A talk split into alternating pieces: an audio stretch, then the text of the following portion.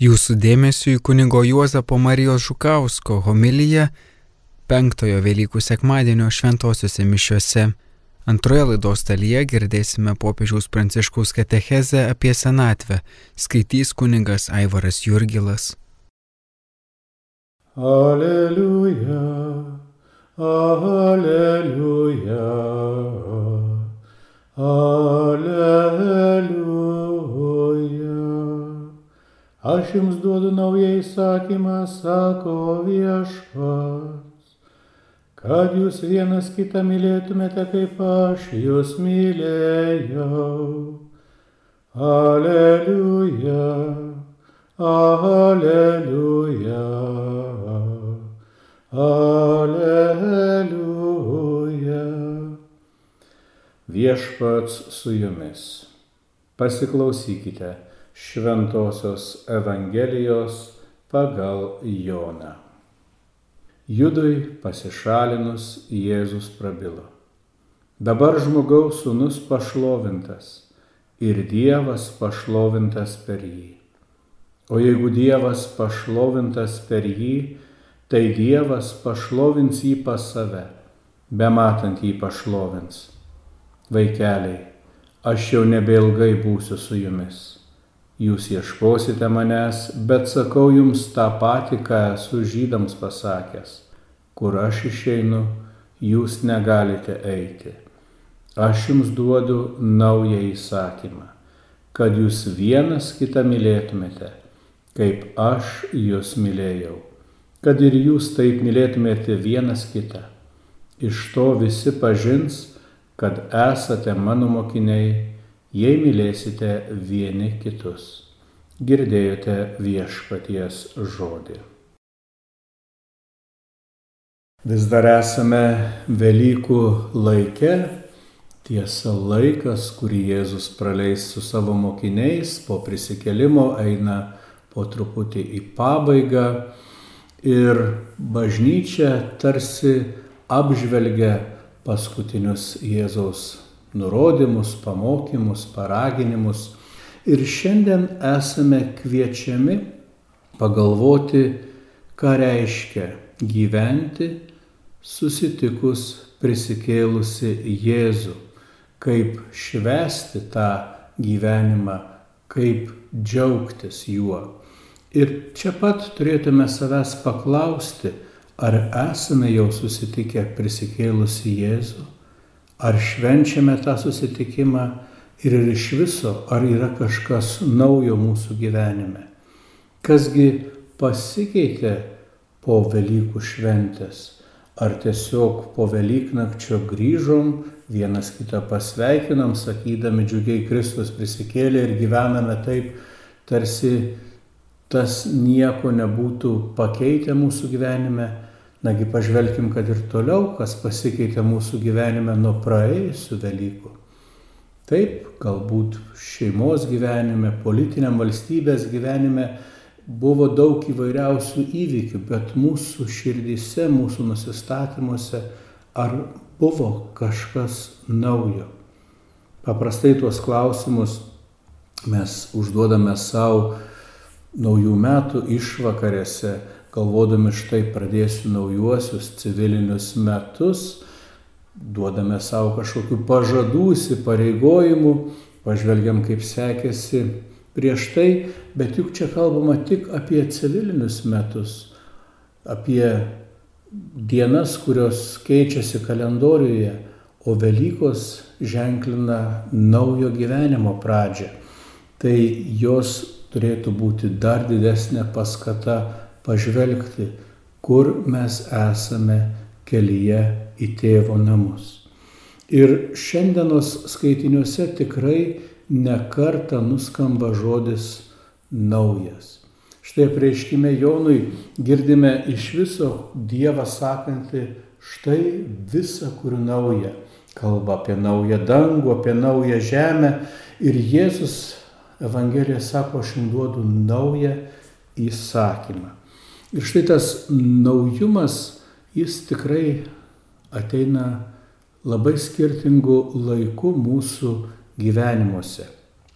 Vieniems tai gali ateiti gana vėlai, panašiai kaip Šventas Augustinas ar Ignacas ar Pranciškus tas pats tikrai jau pažengę savo gyvenimo kelyje sutinka prisikėlusi Jėzų ir jiems prasideda visiškai naujas gyvenimas.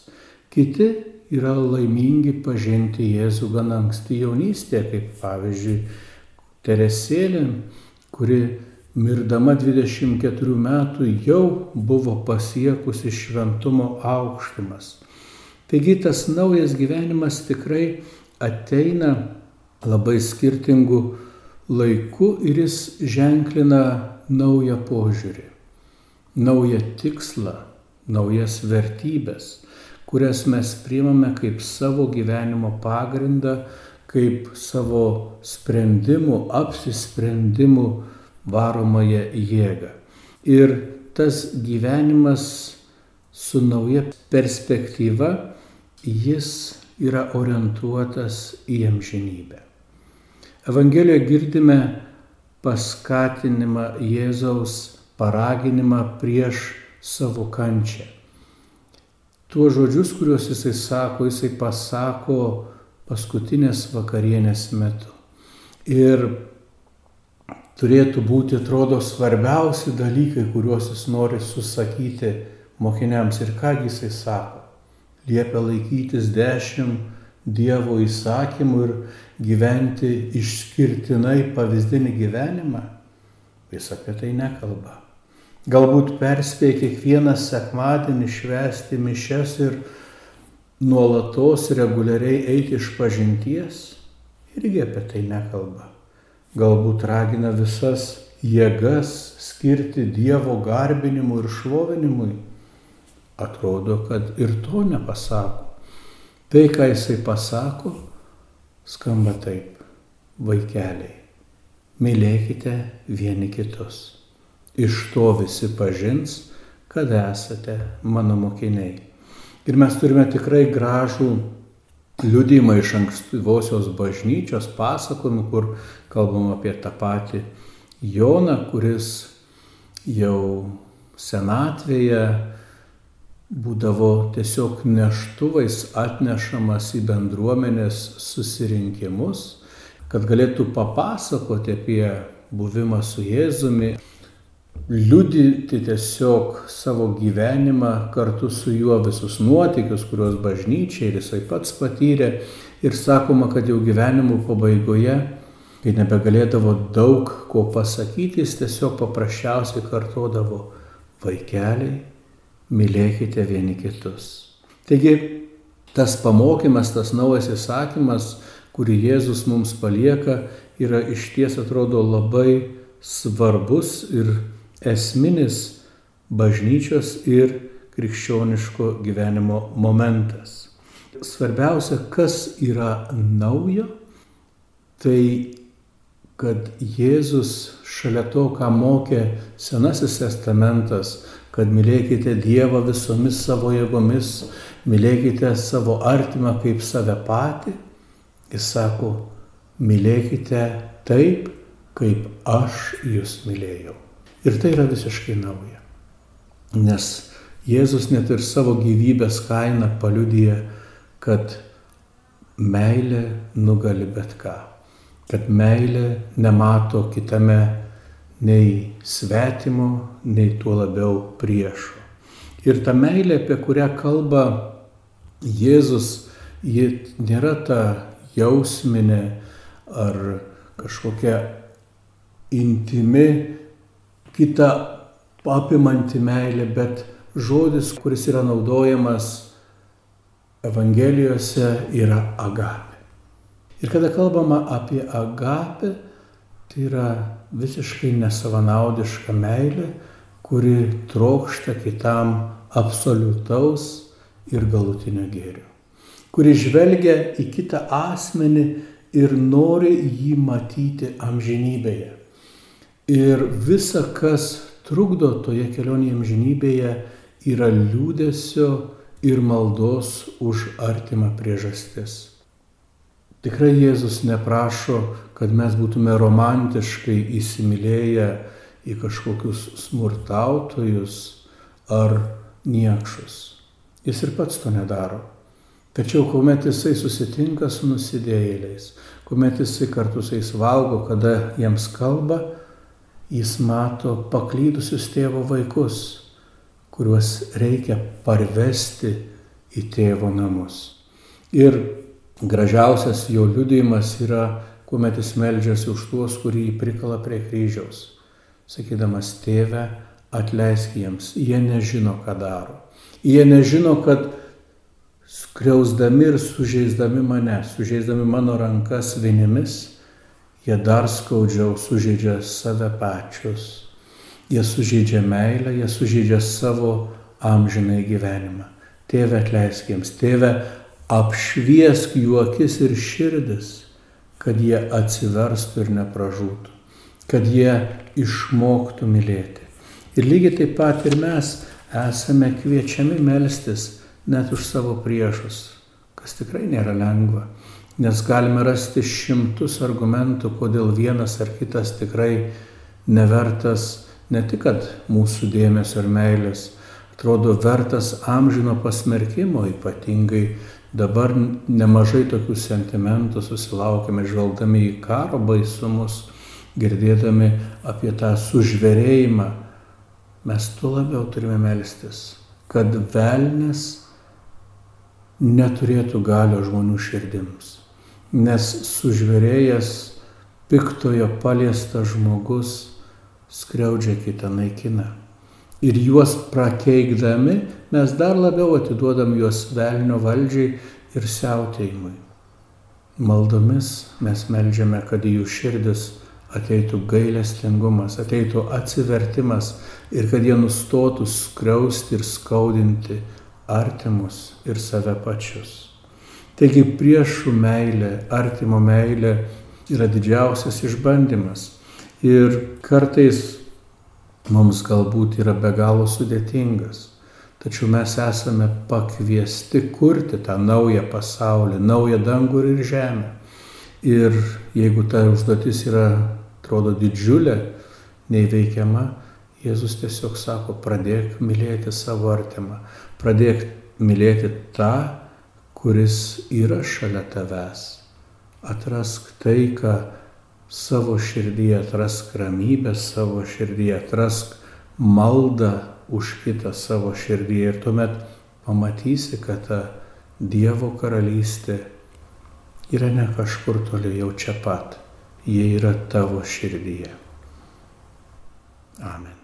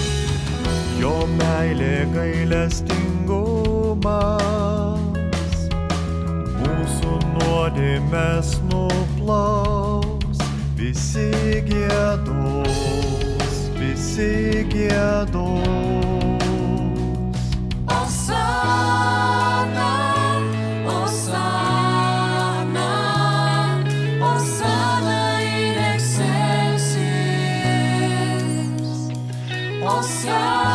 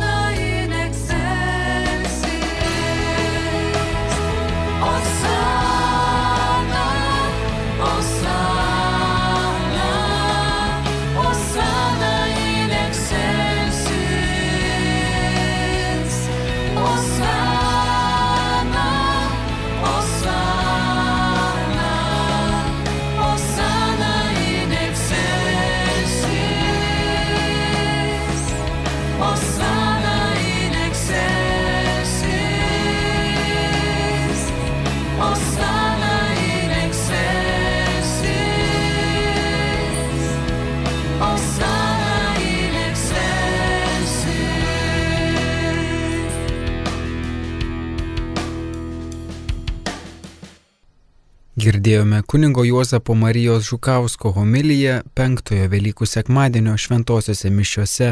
Netrukus girdėsite popiežiaus pranciškaus katechezę apie senatvę, skaitys kuningas Aivaras Jurgilas. Maldos poetai. Šiandien katechezėje toliau svarstome apie senelius, apmastydami jų vaidmens šeimoje vertę bei reikšmę. Tai darau tapatindamasi su jais, nes pats priklausau šiai amžiaus grupiai. Kai buvau Filipinuose, filipiniečiai mane sveikino žodžiais Liolio Kiko, tai reiškia senelį Pranciškau. Jie man sakė Liolio Kiko. Svarbu pabrėžti pirmą dalyką. Tiesa, kad visuomenė yra linkusi mus nušalinti, tačiau ne viešpats. Viešpats mūsų niekuomet nenušalina. Jis mus kviečia jį sekti kiekviename gyvenimo tarpsnyje, o senatvė taip pat apima malonę ir misiją, tikrą pašaukimą iš viešpaties. Senatvė yra pašaukimas. Dar netėjo laikas, kabutėse, įkelti irklus į valtį. Nebejotinai šis gyvenimo laikotarpis skiriasi nuo ankstesnių, tačiau turime iš dalies jį patys išrasti, nes mūsų visuomenės dvasiškai ir moraliai nėra pasirengusios pripažinti šio gyvenimo etapo tikros vertės. Kažkada iš tikrųjų nebuvo įprastas dalykas disponuoti savo laiku. Šiandien tai gauna didesnį mastą. Taip pat krikščioniškasis dvasingumas su tuo susidūrė tarsi nelauktai. Dabar siekiama formuoti pagyvenusių asmenų dvasingumo apmatus.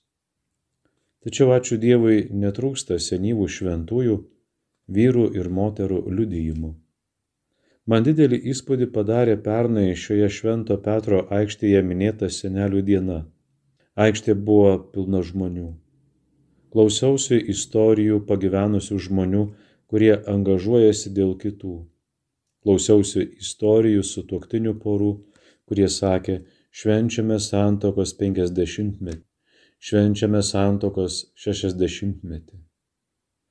Svarbu tai parodyti jauniems, kurie greitai pavarksta. Vyresnių žmonių ištikimybės liudijimas yra svarbus. O šioje aikštėje tą dieną jų buvo labai daug. Ta apmąstymą reikia tęsti tiek bažnyčios, tiek pilietinės visuomenės aplinkoje.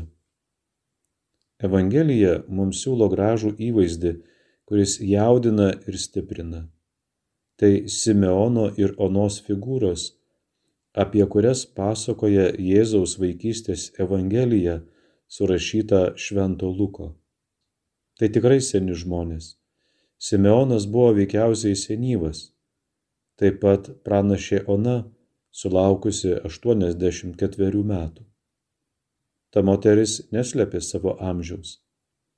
Evangelija pasakoja, kad jie kasdien labai ištikimai laukia Dievo ateimo daug metų.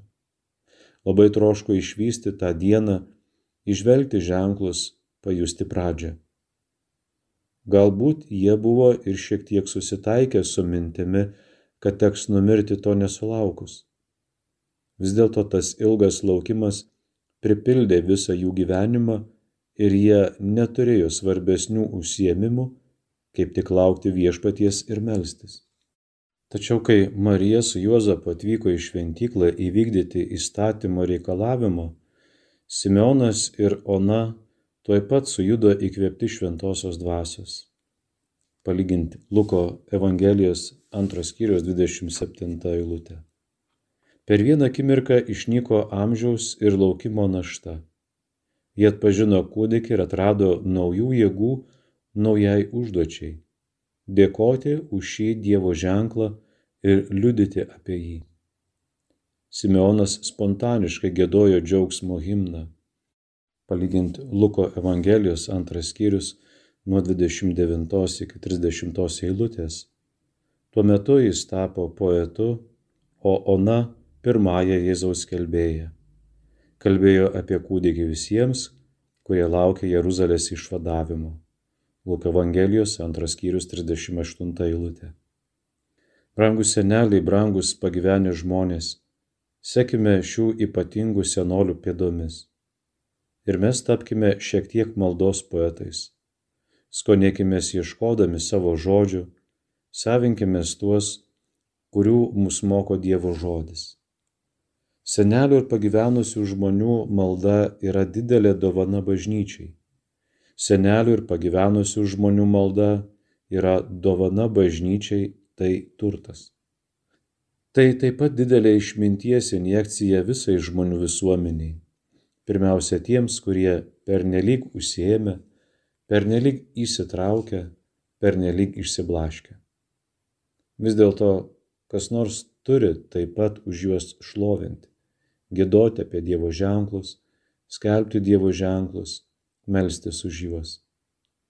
Pažvelkime į Benediktą XVI, kuris nutarė praleisti paskutinį savo gyvenimo laikotarpį melzdamasis ir klausydamasis Dievo. Tai gražu. Didis praėjusio amžiaus tikintysis Olivier Klementas, priklausęs ortodoksų tradicijai, sakė, Civilizacija, kurioje žmonės nesimeldžia, yra civilizacija, kurioje senatvė nebeturi prasmės. Tai baisu. Pirmiausia, mums reikia besimeldžiančių senų žmonių, nes senatvė tą mums duodama. Mums reikia besimeldžiančių senų žmonių, nes senatvė mums duota būtent dėl to. Senų žmonių malda yra gražus dalykas. Galime dėkoti viešpačiai už gautas geradarybės ir užpildyti jį su pančia nedėkingumo bedugne.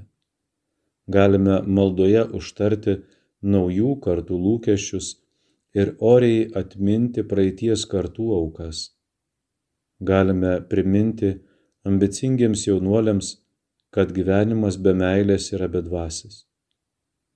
Nerimastingiems jaunuoliams galime sakyti, jog ateities baime įveikiama. Galime mokyti jaunuolius, pernelyg įsimylėjusius save pačius, kad daugiau džiaugsmo teikia davimas nei gavimas. Seneliai ir bočiutės sudaro nuolatinį kabutėse chorą didžiulėje dvasinėje šventovėje, kur maldavimai ir šlovės giesmės paremia bendruomenę, besidarbuojančią ir kovojančią gyvenimo laukia. Galiausiai malda nepaliaujamai tyrina širdį. Dievo šlovinimas ir maldavimas apsaugo širdį, kad ji nesukėtėtų dėl neapykantos ir egoizmo. Koks bjaurus yra cinizmas seno žmogaus, praradusio savo liudijimo prasme, niekinančio jaunuosius ir neperteikiančio išminties. O koks gražus yra pastiprinimas, kurį senasis gali teikti jaunajam, ieškančiam tikėjimo ir gyvenimo prasmės. Tai iš tikrųjų yra senelių misija, senų žmonių pašaukimas. Senelių žodžiai yra ypatingas dalykas jauniesiems. Ir jie tai žino. Žodžius, kuriuos man užrašė ir įteikė močiutė kunigystės šventimų dieną, tebesinešioju. Jie visuomet mano brevijoriuje, dažnai juos skaitau ir man gera. Kaip norėčiau, kad bažnyčia mestų iššūkį atmetimo kultūrai su didžiuliu džiaugsmu, naujai apsikabinant jauniesiems su senaisiais. To aš šiandien ir prašau viešpaties, to apsikabinimo. Girdėjome popiežiaus pranciškaus katechezę apie senatvę.